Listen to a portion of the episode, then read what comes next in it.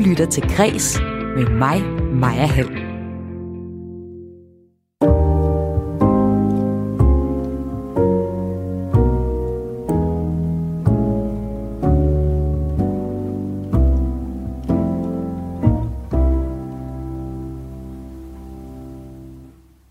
Danmark er begyndt at lukke op, og det gælder endelig også kulturen. Alligevel så får vi ingen festivaler i år, og det ærger mig virkelig meget, fordi det er egentlig her, jeg befinder mig allerbedst. Sådan med lyttelapperne ude, der suger jeg energien fra livemusikken til mig. Altså den her nysgerrige samhørighed, der er fra publikum, og den spændte stemning fra kunstnerne. Det er virkelig noget, der kan gøre mig helt høj og lykkelig, faktisk. Derfor har jeg valgt at dedikere en håndfuld kredsprogrammer til musikken på de aflyste festivaler. Og i dag, der handler det om musikken på Copenhagen Jazz Festival. En øh, festival og genre, jeg faktisk er lidt grøn i, og derfor har jeg inviteret en jazznørd, en fagkvinde og en kunstner, der vil have taget to anbefalinger med fra årets program. Og lad os bare starte med den første. Kunstneren Jonathan Bremer, velkommen til dig. Mange tak. Du er bassist i øh, bandet Bremer McCoy. Spillede første gang på festivalen som 16-årig, og i år, der skulle du så have spillet med Bremer McCoy til den største koncert. I var simpelthen blevet booket til koncerthuset. Den koncert er så blevet ikke blevet helt aflyst, den blev udskudt til næste år. Men hvad betyder det for dig som kunstner at skulle spille som hovednavn på Copenhagen Jazz Festival? Altså, hvilken gennemslagskraft har det? Det har, det har stor gennemslagskraft. Altså, øhm, noget af det, som jeg synes, jeg vil sige, at jazzfestivalen er god til mange forskellige ting. Øhm, og en af de ting, de er rigtig gode til, det er, at de har et super godt promotion-apparat. Hvilket vil sige, at, at øhm, det her med, at vi spiller på, i koncertsalen under festivalen, det gør, at vi kommer meget bredere ud, end hvis det ikke var under festivalen. Øhm, der er simpelthen mange flere mennesker, der, der holder øje med, hvem der spiller på festivalen, og Øhm, selv hvis det er artister, de ikke kender, som er på programmet, så, så er de sådan lidt mere nysgerrige og undersøger, hvem er den her artist, som jeg ikke kender, og eventuelt tager ind og hører koncerten. Øhm, så man kommer, jeg vil sige, at man kommer en del bredere ud, end hvis, end hvis det er noget, man, øh, man gør udenom festivalen. Og så lad mig også byde velkommen til øh, nørden i programmet med. Det er dig, Nils Overgaard. Velkommen til. Tak skal du have. Du har bloggen jazznyt.com, og du anmelder ja. Øh, nye udgivelser, og det gør du hjemmefra, fra du bor i Herning. Og øh, så har du været på Copenhagen Jazz Festival i mange år, første gang i øh, slutningen af 80'erne. Ja. Nils, hvad betyder det for dig som nørd, at øh, Copenhagen Jazz Festival er aflyst i år? Jamen, det er jo et eller andet sted, så er det årets fest. Det, det er jo der, hvor er sådan, jeg kan komme afsted og så få hørt rigtig meget nogle af de helt store navne, men så også nogle af de der små, obskure ting, som jeg overhovedet ikke har nogen som helst chance for at kan høre i, i Herning eller Jylland for den sags skyld. Så, så det, det betyder rigtig meget. Og sidst, men ikke mindst, fagkvinden her i programmet, det er dig, Eva Frost. Velkommen til dig. Tak. Du er leder af Jazz Danmark, der er sådan en øh, genreorganisation, som arbejder for at fremme jazzen, både i Danmark, men faktisk også dansk jazz i udlandet. Så hvad betyder Copenhagen Jazz Festival for genren i Danmark, Eva? Det er sjovt, for lige præcis det der med udlandet er også en kæmpe del af Copenhagen Jazz Festival. Først og fremmest er festivalen jo anerkendt og verdenskendt. Øhm, i hele, altså når jeg tager rundt på, på forskellige branchefestivaler i, øh, i hele verden, så er Copenhagen Jazz Festival, står den virkelig som sådan en, øh, som sådan en øh, markør. Og, øh, så, og så er det også det her med, at alle de her internationale navne jo besøger Copenhagen Jazz Festival i løbet af de her 10 dage, festivalen varer.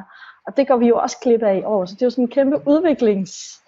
Øh, øh, ting, vi ligesom kommer til at gå glip af i år, det, det, det tror jeg virkelig er, at vi kommer til at kunne mærke i musikken fremover.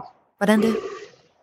Jamen fordi det ligesom er, det er jo i de der 10 dage, at musikerne henter øh, inspiration og får hørt en hel masse af hinanden, så, og alle de her internationale øh, store og små navnes musik. Øhm, og det samme gælder, altså her hos Jazz Danmark, der bruger vi festivalen til at invitere internationale branchefolk, booker og journalister osv., som kommer til Danmark, ligesom Niels Overgaard gør, og ser, hvad der sker på den danske jazzscene lige nu. Altså, så der er sådan et kæmpe økosystem, som i år ligesom har fået sat en øh, kæmpe kæp i hjulet. Og det her, det er et øh, særprogram om Copenhagen Jazz Festival, som er en del af en serie om de aflyste festivaler. Så dig, der lytter med, så hvis du godt kunne tænke dig at høre om nogle af de andre aflyste festivaler i år, så gå ind på Radio 4's hjemmeside og søg på Kreds, så podcast. Der finder du øh, for eksempel et helt program om upcoming bands på Spot Festival, om Roskilde, hiphop-programmet øh, der, og om folk- og countrymusikken på Tønder Festival. Men den her time, den er dedikeret til jazzen. Og Jonathan Bremer, Niels Overgaard og Eva Frost i min gæster i den her time, hvor vi skal tale om Copenhagen Jazz's festivalprogram. I har hver taget to jazzanbefalinger med fra programmet, og øh, mens I præsenterer jeres musik, så skal vi høre om, hvordan festivalen er at være som gæst, som kunstner og som platform for jazzen. Og vi springer ud i det med øh, Jonathan Bremer, dig, og vil du ikke bare starte med at fortælle, hvad er din egen musik egentlig for en størrelse i jazzen? Hvad er det for en fisk? Jo, det kan du tro. Altså, um, det er, det er sådan lidt en blanding af nogle forskellige ting, så det er, det er altid faktisk noget, vi har en lille smule svært ved at sætte ord på, præcis hvad, hvilken slags musik det er. Øhm, men øhm, jeg vil sige, at det er instrumental musik, det vil sige, at der ikke er sang på. Øhm, og det er kun kontrabas og keyboards. Og det er sådan rimelig, så det er sådan rimelig uh, mellow øhm, vibe for kontrabas og keyboards. Øhm, og det er der så nogen, der kalder jazz. Øhm, det er det, der nok er flest, der kalder det. Øhm, men der er også, øhm, der er også noget inspiration fra amerikansk musik og fra elektronisk musik øhm, og fra klassisk musik og ja, en, en masse forskellige ting. Så det er sådan en, øh, en blanding af mange forskellige ting. Og Eva Frost, jeg har godt tænkt mig at tale meget mere med dig om, om genren øh, jazz, for den er ret bred, men hvor, hvis du bare lige hurtigt skulle placere Bremer McCoy på jazzlandkortet, hvor vil du så ligge det henne? Oh, det er virkelig svært, fordi at øh, alt jazz placerer sig på alle mulige tidspunkter på forskellige dele af det her landkort. Og jeg synes også, at Bremer McCoy har øh, udviklet sig helt vildt meget, og er øh, på en eller anden måde faktisk øh, i de her dage bliver ligesom modtaget af et helt nyt publikum. Altså når man kan fylde DR's øh, koncertsal øh, som duo i øh, 2020, så synes jeg faktisk, det er, det er sådan en helt ny bølge af af, af opmærksomhed mod øh, lige præcis den type, den type musik, som øh, Bremer McCoy spiller lige nu. Er det noget, I er meget bevidste om, øh, Jonathan, det med, at de også fagner andre end måske den klassiske jazz-nørd, som Nils Overgaard måske er? ja, altså, er, jeg vil sige, det, ja, det er der noget, vi er bevidste om. Det, det er noget, vi lægger mærke til, i hvert fald. Øhm, det er, det er ikke, øhm, jeg vil sige, det er ikke noget, det er ikke sådan, det er ikke sådan, at det er en strategisk beslutning, at det er det slags, slags publikum, vi vil, vi vil henvende os til. Men, øh, men det er da noget, vi sætter stor pris på. Og, øhm, og jeg synes, det, jeg synes også, det er sådan er, der er det også lidt som, som en gave til musikken, at der, hvad kan man sige, at der er mange forskellige typer mennesker, der kan relatere til det. Altså, jeg, havde en, jeg havde en sjov oplevelse med min, en af mine venner for, for noget tid siden, hvor der er sådan, han sagde, ej, ved du hvad, jeg har, øh, jeg har lige købt den her plade her. Det, det er jo sindssygt fedt, og han ved udmærket godt, at jeg er sindssygt jazznørd ud over det hele, ikke? Men, men du skal lige høre mm. det her, det er virkelig noget fed musik. Han sætter pladen på, og jeg kan straks høre det Bremer McCoy. og så, siger han, at det, det er virkelig, han, han har overhovedet ikke skænket det en tanke, at det var jazz, eller det har noget som helst med jazz at gøre. Nå, Nå, er det, kan det også være jazz, sagde han ikke. Altså det, det var sådan en helt anden måde, han var kommet ind i det på. Så det er også sådan meget en, en, en sjov måde, den her, ved at, hvad er Bremer McCoy? Jeg tror, at de, de appellerer, eller appellerer ud til mange forskellige, som slet ikke tænker mm. over, om det er det ene eller det andet. Ja, det er ret sjovt. Ja, fordi jeg synes jo også nu, øh, når jeg sad og researchede op til det her program også, at jeg kommer omkring så mange genrer. Jeg var, altså lige præcis den der, gud, er det jazz, det her? Nå ja, det er det da nok egentlig også. Altså, det var bare, for eksempel, høre noget af det gamle med en hel masse crooner på, hvor jeg tænker, nå, er det, det er jo også jazz. Det skal vi også dykke mm. meget mere ned i, men lad os også høre noget fra programmet. Øh, nu har vi lige fået en lille snas af Bremer McCoy, men øh, Jonathan, vil du ikke også komme med en af anbefalingerne fra årets program, som du synes er særlig interessant? Jo, det kan du tro. Øhm, jeg har jo øh, valgt to numre. Jeg tror, jeg vil starte med øhm, et nummer af den danske gruppe Girls in Airports. Øhm, og det er øhm, ja, den, den en gruppe på, på fem musikere øh, her fra Danmark, og det er øhm, ja, grunden til at jeg valgte det nummer, det er fordi jeg synes, der er en meget, meget spændende øh, scene for sådan yngre øh, danske jazzmusikere, øh, som, hvor nogle af dem er meget sådan i traditionen, og nogle af dem er, er mere eksperimenterende. Og Girls Airports, det er den mere eksperimenterende del af det. Øhm, så det var egentlig et nummer, jeg valgte. Dels fordi jeg synes, det, det er et utroligt flot nummer, øhm, og, men også for at, ligesom at, at give et billede på, at, at der sker virkelig øhm, utrolig mange ting, synes jeg, i Danmark um, på jazzfronten. Og hvad, hvilket uh, nummer med Girls and Airport skal vi høre? Ja, det er et nummer, der hedder Albert Kahn fra deres plade Kaikura fra 2013, mener jeg. Lad os prøve at høre noget af det her.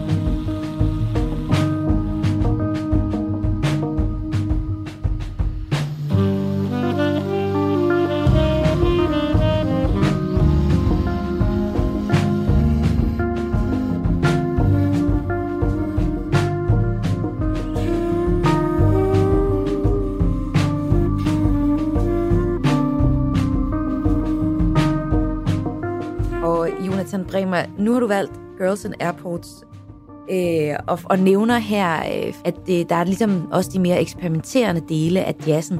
Hvordan er det egentlig at være jazzmusiker i Danmark, som jo er et lille land? Det er... Øh, altså, jeg, jeg tror, det er nok et af de fedeste lande at være jazzmusiker i, hvis jeg skal være ærlig. Ja. Fordi øh, der er en enormt levende øh, scene for jazzmusik i Danmark. Øhm, særligt i forhold til, hvor lille et land det egentlig er. Men jeg tror, det har meget at gøre med, at vi har en, en rigtig, rigtig god tradition for jazz herhjemme. Så det er, det er blevet sådan en, en, øh, en ret integreret del af vores kultur. Øhm, Må jeg sige noget særligt, til det? Ja. Altså det er jo faktisk, altså det, det er jo noget, noget af det, vi også sidder og kigger på inde hos Jazz Danmark, sidder vi og holder øje med, hvad der egentlig sker på den danske jazzscene kontra alle mulige andre lande. Og Danmark har en sindssygt stor og omfattende jazzscene, og faktisk så, øh, altså så, så, så bliver det større og større, og får mere og mere øh, fodfæste, både i Danmark, men også i udlandet. Og jeg, jeg har bare sådan et tal, der står klar for mig, som vi lige har øh, kigget på, som er, at i udlandet, der, øh, der er antallet af koncerter med dansk jazz steget fra 500 koncerter i udlandet med dansk jazz i 2014, og, i, øh, og sidste år, der var der 1200.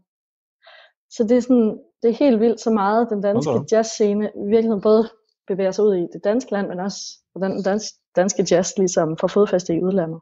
Så den er god nok, Jonathan, når du siger, at det er meget fedt at være jazzmusiker i Danmark. ja, det er godt. Det andet, øh, den anden anbefaling, du har taget med, det er en gammel traver, Herbie Hancock, som også skulle spille på årets øh, jazzfestival i øh, København. Hvorfor har du taget øh, ham med? Jamen det er, det er selvfølgelig dels fordi, jeg synes, det er et utroligt fedt nummer, og han er en af de artister, som jeg har lyttet rigtig, rigtig meget til. Øhm, og som jeg ligesom også har set op til, siden jeg var lille. Øhm, men det er også fordi, jeg tænkte, at jeg ville, at jeg ville tale lidt om, at en af de, en af de rigtig fede ting ved Copenhagen Jazz Festival, det er, at netop, at der kommer mange udenlandske musikere til Danmark, og at det kan være en meget stor kilde til inspiration for en dansk musiker som mig for eksempel. Hvordan, øhm, ja, hvordan har ja, Hancock ja, inspireret dig? Øhm, jamen han har, han har inspireret mig på mange forskellige måder, synes jeg. Altså han, han øhm, når man ser på hans kunstneriske virke over tid, så har han haft en ret spændende udvikling, synes jeg. Altså hvor at han, hvor at han øh, altså, øh, startede med at spille mere sådan, hvad kan man sige, mere i, i den lidt mere traditionelle stil. Øh, men sådan men han hele tiden har været, alligevel har været frontløber på en eller anden måde, og været meget sådan, øh, innovativ. Og så spillede han jo, altså i, i hver af hans perioder er der, er der nogle øh, meget, nogle forskellige og sådan meget spændende kvaliteter, synes jeg. For eksempel da han spillede Miles Davis Band i 60'erne. Øhm, det der er sådan noget, noget helt særligt ved, som man, som man ikke rigtig finder i noget andet musik, synes jeg. Øhm, men, men som sagt, noget af det, som, som er super fedt ved Copenhagen Jazz Festival, det er netop også, at dels at selvfølgelig, at, at de danske musikere kommer ud og spiller rigtig meget og, og foran et større publikum end, end normalt, men også at der kommer mange udenlandske musikere til, og, og det kan være en meget stor kilde til inspiration, både at høre dem, men også at spille med dem rundt omkring på jam sessions eller til koncerter osv. Og lad os høre Herbie Hancock med 4 AM, som er det nummer, du har valgt, Jonathan Bremer. Yes.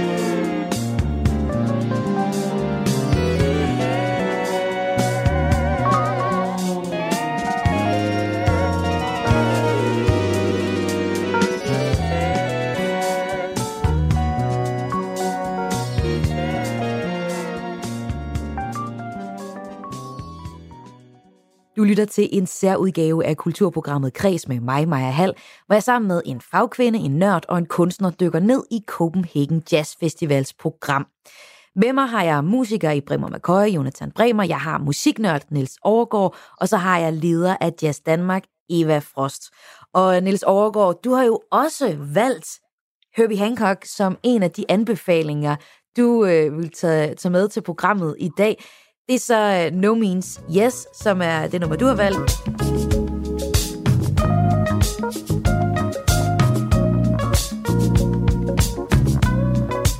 Hvorfor har du valgt det også?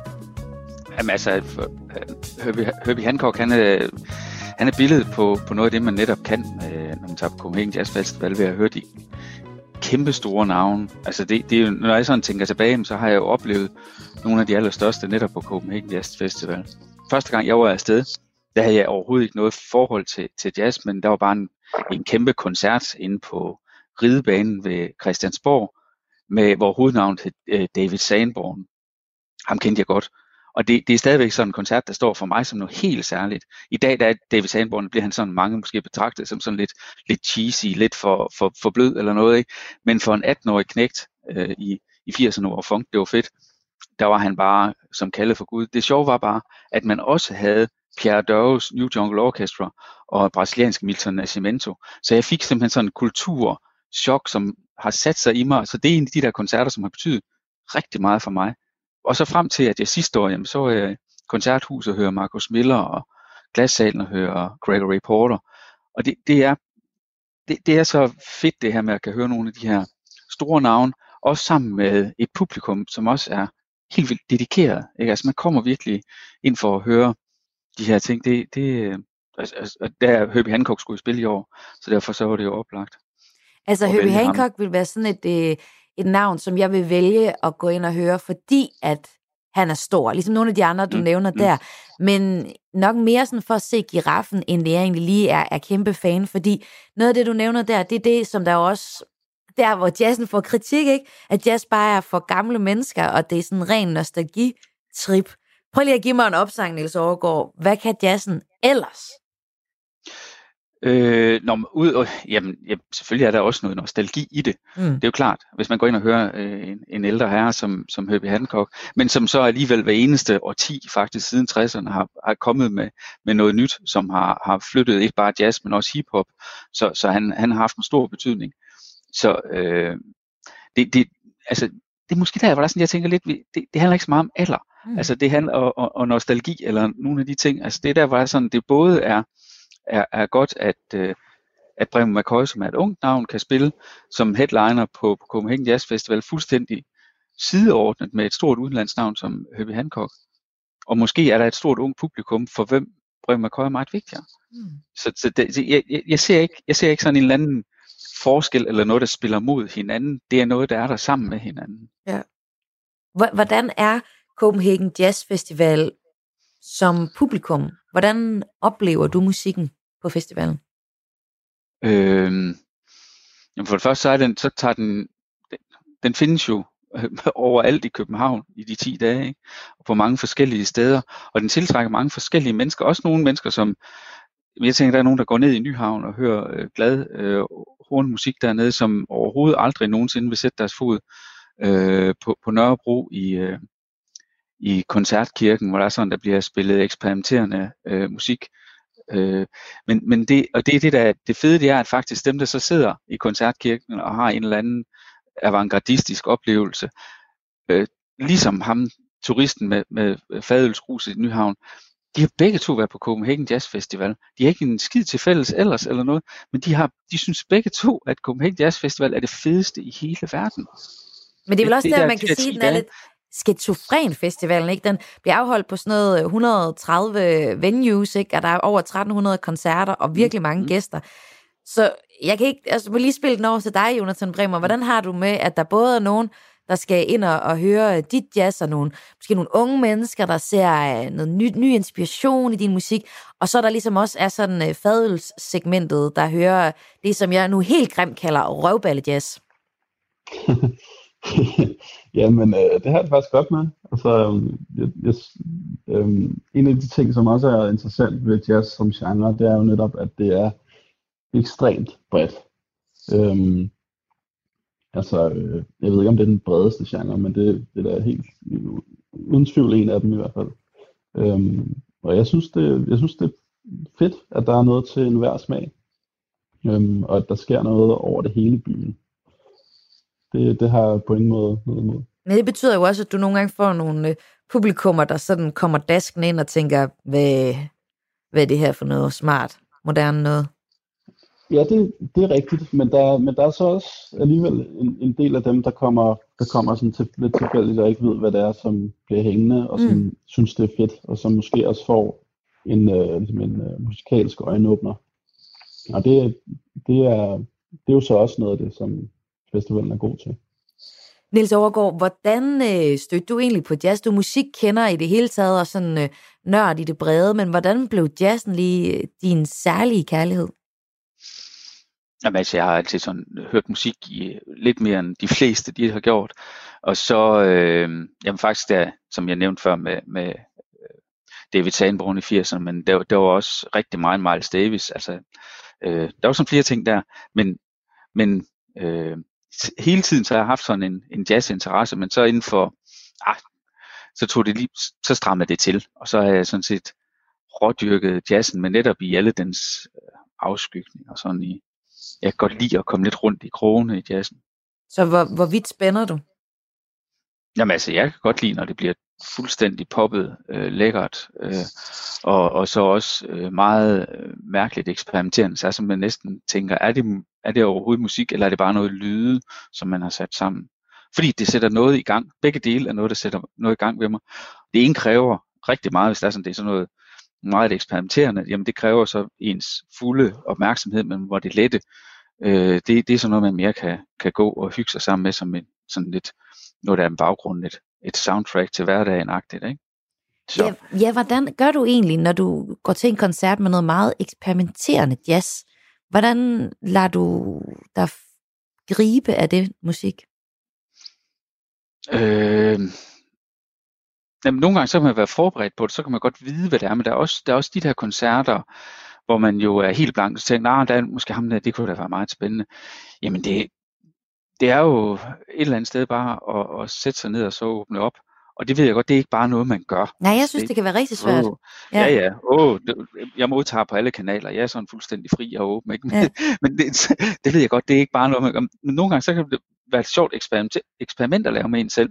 Og så prøve at lade, lade alt muligt andet ligge ude i garderoben, og så bare være med, sammen med musikken. Det er en, en, en, øh, en fed ting, altså. Og det er der, hvor altså, man så bedre kan tage noget ind, som man ellers ikke har hørt før. Og hvor ligger Svaneborg Kardyb så, så henne? ja. jamen det er faktisk sådan noget musik, som, som man kan bruge til begge dele. Ja. Fordi Svaneborg Kardyb skulle have spillet øh, på Balders Plads, som er en stor plads, faktisk sådan, der er egentlig sådan lidt, lidt larmende sted, men også et sted, hvor der er sådan der er rigtig mange mennesker, som kommer, fordi det er hyggeligt, og øh, der, der er gang, jeg, jeg var forbi der flere gange sidste år, ikke, hvor, hvor der bare er, der, der sker noget, og, og de vil, de, de er godt på vej ind i jazz, de er ved at skabe sig et navn, og jeg tænker, hvis det var sådan, de kunne spille der en, en øh, eftermiddag, jamen så var de nået ud til endnu flere, så det er jo sådan et ret vigtigt sted i deres øh, musikalske karriere og blive præsenteret. Så derfor så er det, det er skide ærgerligt, øh, at, det, at det ikke lykkes fuldstændig ligesom for mange andre, men Svendborg Kardyb er et sted, hvor Bremer McCoy var for, for nogle år siden. Så jeg tænker, Svendborg Kardyb, det kan ikke udelukkes, de også kan, kan blive headline øh, om nogle år. Og det er din anden anbefaling. Prøv lige at fortælle, hvad kan øh, det nummer, du har valgt, et lille øjeblik bare? Ja, et, et lite øjeblik Elite. bare, det er jo på, det er ja. jo på norsk. Ja. de, de har et samarbejde med en, med en norsk sanger inden lige på det nummer, ellers er det faktisk en, en uh, instrumentalplade. Mm. Øh, jamen, det, det er sådan et, uh, jeg synes det, det er sådan lidt undrende uh, nummer, som sådan både har nogle, nogle elementer fra sådan mere nogle uh, indie-pop ting, og, og, så, uh, og så er der også en eller anden base i noget jazz, så, så det, det er sådan et, et lækkert nummer igen, der var sådan, at sige, hvad er det egentlig jazz? Jeg kunne fandme, det jazz, synes jeg. Lad os prøve at høre på det. Øh, Svaneborg Kardyb, et lite øjeblik bare. Skal vi stanse her?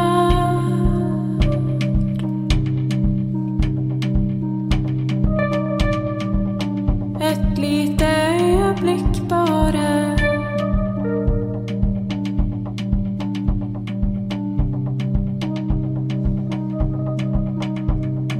sleep.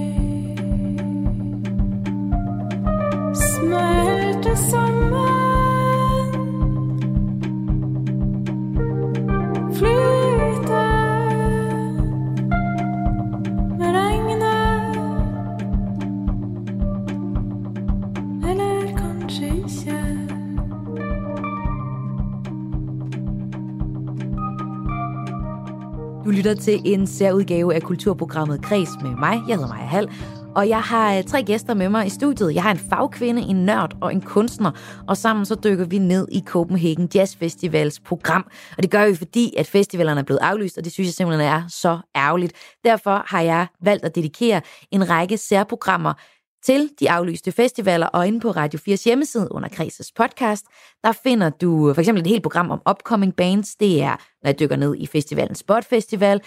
Vi er, der er et helt program om Roskildes øh, hiphop-program, og der er et om folk- og country-musikken på Tønder Festival. Og den her time, der er det jazzen, vi kigger på, og vi kigger på Copenhagen Jazz Festivals musikprogram. Og med mig, der har jeg musiker i Bremer McCoy, Jonathan Bremer, musiknørd Niels Overgaard og leder af eller af Jazz Danmark, Eva Frost. Og øh, Eva, vi skal prøve at forstå, hvor bred den her genre øh, jazz er. Øh, og lad os måske bare gøre det med, at du øh, vælger et af de to anbefalinger, som øh, du har med til os. Og prøv at sætte lidt ord på, hvor det ligger sig henne i, øh, i jazzens øh, landkort. Jamen, øhm, så synes jeg, vi skal starte med, øh, med et nummer af et band, der hedder Hesses More, som faktisk er et øh, sindssygt øh, omsaggribende orkester. Det er sådan set trommeslager Mikkel Hess, der har det, men øh, han, det har, han har det orkester i flere, øh, i flere versioner. Han har sådan en transatlantisk udgave, hvor han øh, har internationale navne med i hans gruppe her, og så har han også en, en øh, dansk udgave af samme band. Og de to ting, dem øh, forenede han øh, øh, sidste år øh, for første gang øh, til et sådan et iscenesat koncertforløb på øh, Charlottenborg i København under Copenhagen Jazz Festival, hvor han øh, i samarbejde med en scenograf og en designer ligesom skabte den her øh, helhedsoplevelse, som de kaldte øh, Apollonian Circles. De spiller i sådan et cirkulært setup. Øhm, og øh, det skulle de have gjort igen øh, under Copenhagen Jazz Festival i år, og det bliver jo så desværre aflyst. Så derfor synes jeg, det var et meget sjovt eksempel at tage med, fordi det er et band, der øh, placerer sig alle mulige steder i jazzen, men som virkelig har øh, arbejdet med det her med at kombinere musikken med andre kunstformer også, med øh, ligesom det visuelle og design. Øh, ja. Så jeg har taget et nummer med fra deres seneste plade, øh, som hedder, øh, som hedder eight, øh, hvad hedder det, 80 Years, part 3, hvor de har øh, trompetist Tom Harrell med, som vi havde, øh, som de, øh, Mikkel Hess mødte på Just Danmarks sommersession, så det synes jeg var meget sjovt.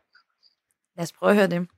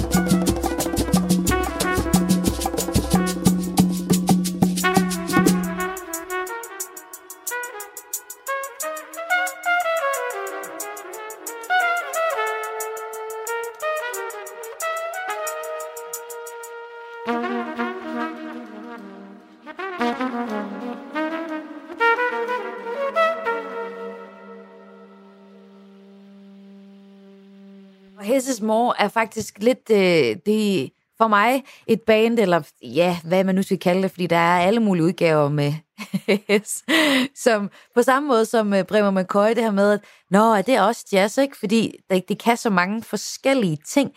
Altså, Eva Frost, hvor starter jazzen henne, og hvor den ligesom på vej hen nu? Altså, kan man overhovedet blive ved med at retfærdiggøre og kalde det for jazz?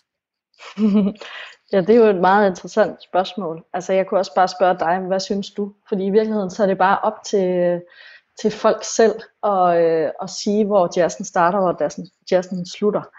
Altså, øh, det, er, det er en fuldstændig grænsefri øh, musik, og det er det, der er så smukt ved det. Det er, man kan sådan set... Øh, altså det, jeg har arbejdet meget med klassisk musik øh, tidligere, som jo er meget bundet op af forskellige konventioner, og det er meget svært at bryde ud af dem. I jazzen, der er det lige omvendt. Der handler det allermest om at spille sammen med andre mennesker og møde folk i nuet, og møde folk der, hvor, hvor og komme lidt derud, hvor man ikke kan bunde. Øhm, så det bevæger sig hele tiden, og det her med at sætte det i en eller anden kasse, der hedder jazz, det kan være rigtig praktisk i rigtig mange sammenhænge. Øh, så det er der ingen grund til ikke at gøre. Øh, men det er klart, musik er bare musik. Altså, øh, det kan man, øh, altså, man kan, man kan bruge det præcis, som man, som man vil, og kalde det, hvad man vil. Og så historisk set, Eva Frost, hvor kommer, musik, hvor kommer jazzen fra der? Jamen altså, det, det er jo en lang og øh, det er en lang rejse fra, øh, som starter i Amerika selvfølgelig, og som, øh, som har bevæget sig til Europa, og nu faktisk også er blevet kæmpestor i, øh, i Asien, hvor vi også øh, har, hvor der faktisk er en kæmpe jazzopblomstring lige nu. Øhm, og vil næsten ikke øh, gå ind i hele jazzens historie. Øhm, ja. Men simpelthen i Asien er der en opblomstring nu? Ja, det er der faktisk. Meget sjovt. Der, der er en stor, især øh, er det den europæiske jazz, som de er blevet, øh, som de er totalt nysgerrige på lige nu. Det synes jeg er meget sjovt. Både jazz, men også øh, rock, indie rock, øh, er øh, virkelig populært derovre, især i Japan og, øh, og faktisk også i Kina og Sydkorea lige nu. Det synes jeg er meget sjovt. Også det der med, at det ikke nødvendigvis kun er de store amerikanske stjerner, der tiltrækker dem derovre.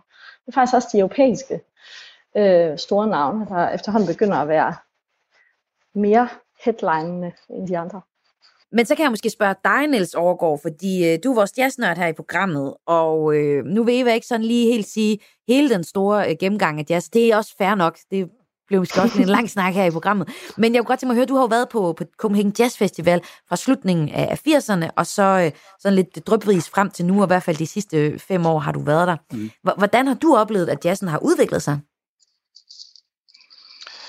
Jamen, ja, jamen, den udvikler sig jo øh, hele tiden, og et eller andet sted, så, så, så skulle der også være sådan en udviklingsstadie i år. Jamen, det, det, det ved jeg ikke. Der, der er den der, hvor vi netop lige har haft sådan meget fokus på de helt store navne, ikke?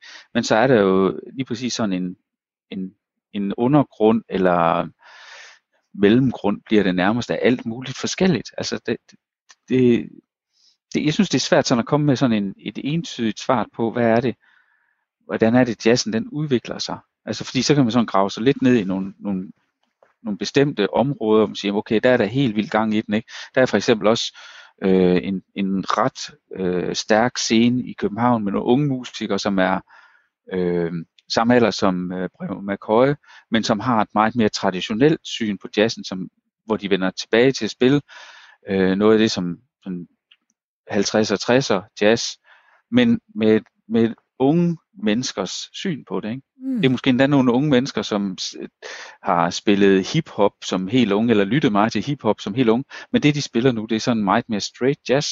Og det synes jeg et eller andet sted, det er sådan ret interessant. Og det er også der, hvor det er sådan, at, at lige præcis sådan en, en øh, festival, den er, den er faktisk et super vigtigt øh, sted for dem at være, fordi at de kan give den maks gas i 10 dage, hvor de spiller mange gange i løbet af en dag, hver eneste dag. Altså, der er ikke noget, der kan være med til at udvikle musikere mere, end det her med at komme ud og spille en masse, og, og komme i kontakt med publikum. Og det er jo netop der, hvor der er sådan, at de øh, spiller Natte James på La Fontaine, og, og ellers koncerter øh, i, i løbet af dagen. Og, og det er også en del af, for eksempel, kunne man sige, der var, øh, hvor, hvor, hvor jazzen er på vej hen lige nu. Ikke? Mm, ja, den simpelthen også udvikler sig på festivalen. Er det noget, du kan ikke genkende ja. til, Jonathan Bremer, som øh, bassist i Bremer ja, McCoy? Ab- absolut. Ja, absolut hvordan det? i meget høj grad, og det, jeg synes, det er en vigtig pointe. Jamen, netop det her med, at, som Niels siger, at, at man spiller koncerter dagen lang, og så tager man ud øhm, og spiller på jam sessions med hvem der nu er der, og, og bliver udfordret på, sådan, på en anderledes måde, og det er en meget mere spontan setting, og man, man ofte også møder nogle nye musikere, og måske endda starter ligesom et, et øh, seriøst musikalsk øh, samarbejde på den måde. Ja, de her øhm. jam sessions, det må du lige fortælle om, Jonathan Bremer. Ja. Er det en særlig ting i jazzgenren, at man gør det? Øhm, ja, det, det, jeg vil sige, det er i hvert fald i jazz, at man gør det mest. Mm. Øhm, og det er, det er simpelthen, at altså, det er sådan en åben scene, kan man sige. Så øh, for eksempel på, det sker mange steder, men for eksempel på La Fontaine, som Nils øh, sagde før, der, øh, det, det er et spilsted i København, hvor at hver aften og nat under, øh, under øh, Copenhagen Jazz Festival, der er der så jam session, og det vil sige, at at øh, alle de musikere, der kommer, de kan komme op og spille nogle numre. Øhm, så det er sådan en åben scene, og så, så øh, spiller man nogle numre, som, eller så, så vælger man et nummer, som alle de musikere, der nu står på scenen, kender. Og så øh, spiller man det sammen og skiftes til at improvisere over det. Så det er sådan, altså, det er en, en, øh, det er også noget, man godt kan gøre inden for rock, for eksempel, og som folk også gør nogle gange, men det er en meget jazzet ting. Det lyder jo vildt. Men Jonathan, ja. uh, Lady Gaga var jo forbi at jam her for et par år siden. ja, ja. Hun var, ja, hun var på, uh, hun var på La Fontaine under festivalen. Det var jo uh, det var et, uh, et stort øjeblik. Jeg var, var du der der? Ikke. Jo, ja. ved du hvad, jeg var der faktisk. Jeg skulle lige til at sige, at jeg ikke var der, men jeg var der ikke, da hun, da hun var oppe at spille, desværre.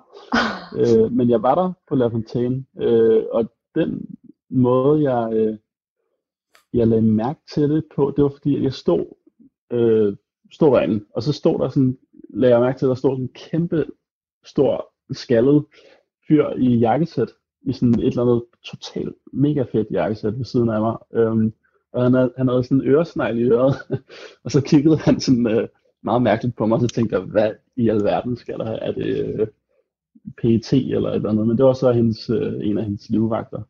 Øhm, og så sad hun derinde, men der havde hun vist været op og synge. Ja. Var du der, Eva? Øhm, men sådan noget, sådan noget som det sker jo også, og at, så at, at øhm, altså mange af de, de sådan, øh, store stjerner, der kommer fra, fra udlandet, øhm, de tager jo så også ud til de her jam sessions og sidder ind. Så, øh, så det er også en af de, en af de sjove ting ved festivalen. Helt sikkert. Og øh, Lady Gaga må vi lige få placeret på jazzbarometeret. Hun øh, er ligesom, øh, har ligesom snedet sig ind på det fra, fra sin poppede side. Eva, kan, Eva Frost, kan du måske lige øh, forklare, hvordan Lady Gaga lige pludselig befinder sig på Copenhagen Jazz Festival? Jamen, Lady Gaga, hun spillede jo... Hvem var det egentlig, hun spillede med? Tony, det var sammen med Tony Bennett. Ja, hun oh, har i hvert fald lavet et helt album sammen ja. med ham. Ja. ja, lige præcis. Og de spillede ude i koncertsalen. Og så tror jeg simpelthen bare, altså hun er jo en total free spirit, og så tror jeg bare, hun tænkte, jeg skal på jam session i København. Og så, øh, og så blev det vel hugget op for hende, at det blev Le Fontaine, hun skulle ind på. Og øh, ja, og der er jo plads til, hvad der er plads til, måske 100 mennesker derinde eller sådan noget, så det tror jeg har været en virkelig stor oplevelse for dem, der, dem, der er endt der. Men sådan er, sådan er det jo for mange, altså det er jo ikke kun Lady Gaga, der er jo mange øh, øh, musikere, der bevæger sig i grænselandet mellem jazz og klassisk og rock og pop og heavy og jeg ved ikke. ja. Eva Frost, jeg tænker også, at vi lige skal nå din sidste anbefaling fra det her års øh, jazzfestival. Hvad øh, har du med som det sidste til os? Jamen det, jeg har taget med, det er, øh, det er en øh, saxofonist, der hedder Pernille Befort, som øh, har et orkester, der hedder Radio Befort, som netop har udgivet et øh, album. Hun har udgivet ekstremt mange albums, Pernille. Det her det er vist hendes 13. album. Øh, og øh, hun er et godt eksempel på øh, en musiker, som spiller en hel masse koncerter i løbet af Copenhagen Jazz Festival. Og det er ikke fordi, hun allerede var blevet offentliggjort, for der var faktisk meget lidt af Copenhagen Jazz Festival, der var nået at blive offentliggjort, fordi mm. rigtig mange af de ting, der sker på festivalen, de opstår i løbet af april, maj, juni. bliver mm. ligesom øh, skabt der. Så rigtig mange koncerter kommer jo i stand i sidste øjeblik. Øh, så øh, jeg har også snakket med hende, og hun var sådan, jamen, hun skulle have spil- havde håbet, hun skulle spille alt muligt, men det var faktisk ikke, der var ikke særlig meget af det, der var på plads endnu. Okay. Øh, så, så det er sådan lidt, øh, hun spiller også med, øh, altså hun spiller med alle mulige, i alle mulige forskellige konstellationer. Så hun er bare et eksempel på en kunstner, som sikkert skulle have spillet en masse, men som nu ligesom står og mangler det her, det her outlet for hendes musik. Og nu har hun så også lige udgivet et album, så derfor vil hun være ekstra øh, aktuel i år. Øhm, så det er et nummer fra hendes nye album, der hedder Blik, og nummeret hedder Bloody Blood.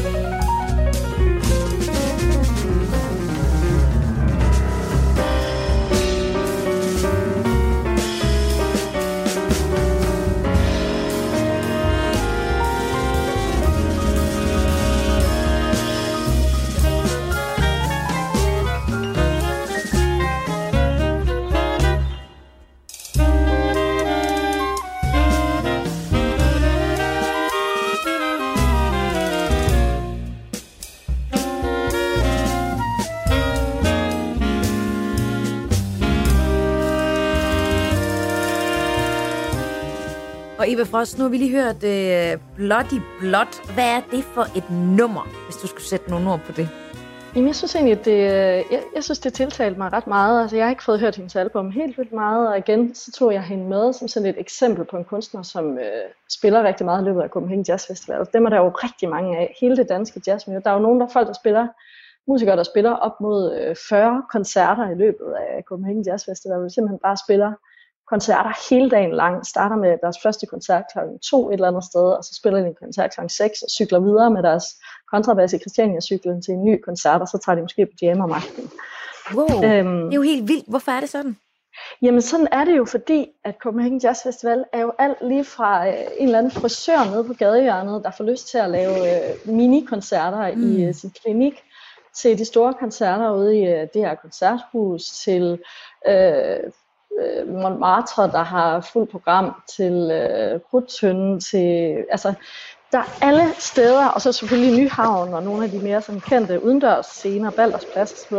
Så alle, der har bare en lille snært af, af musik, øh, de i sig, de får lyst til at, på en eller anden måde lyst til at lave koncerter, så derfor bliver det jo en selvproducerende festival. Ikke? Det er jo ligesom karakteristikken af festivalen, at alle, der er musik alle steder, og som publikum, der kan du ligesom designe din helt egen festival.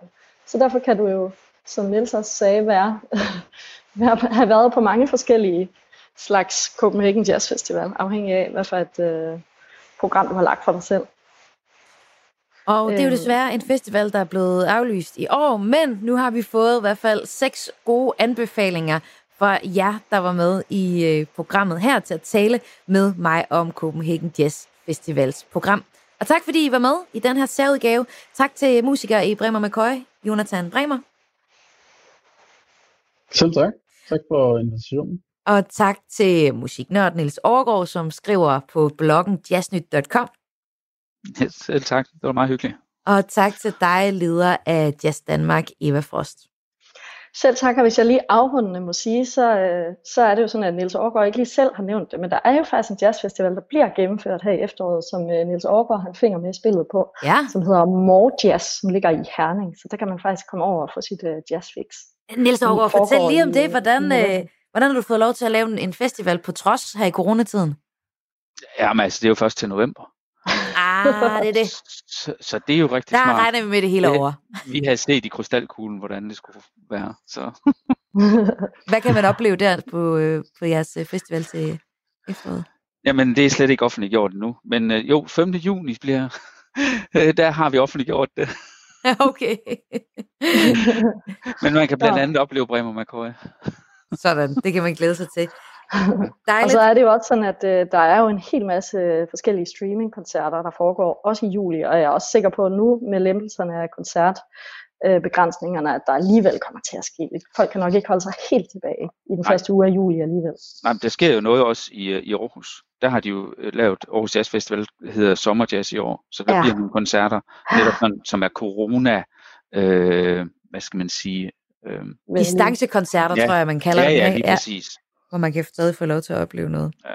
Så er der stadig lidt øh, jazz til sommerne, og her er i hvert fald en hel masse anbefalinger mm. til noget af det jazz, man måske kan få lov at opleve i Danmark, og ellers kan putte ind på sin playliste, der hvor man hører musik. Tak fordi I var med. Programmet her var tilrettelagt af Karoline Kjær Hansen, og jeg hedder Maja Hall og var altså din vært den her time, hvor vi talte om Copenhagen Jazz Festivals musikprogram. Og det her er et særprogram, og det er en del af en serie om de aflyste festivaler. På Radio 4's hjemmeside under Kreses podcast, der finder du en hel række af de her særprogrammer. Du kan blandt andet finde et om upcoming bands på Spot Festival. Du kan finde et program om Roskildes hiphop-program. Et om folk- og countrymusikken på Tønder Festival. Og øh, så kan du altså også finde det her i dets fulde længde, altså et program om Copenhagen Jazz Festivals musikprogram.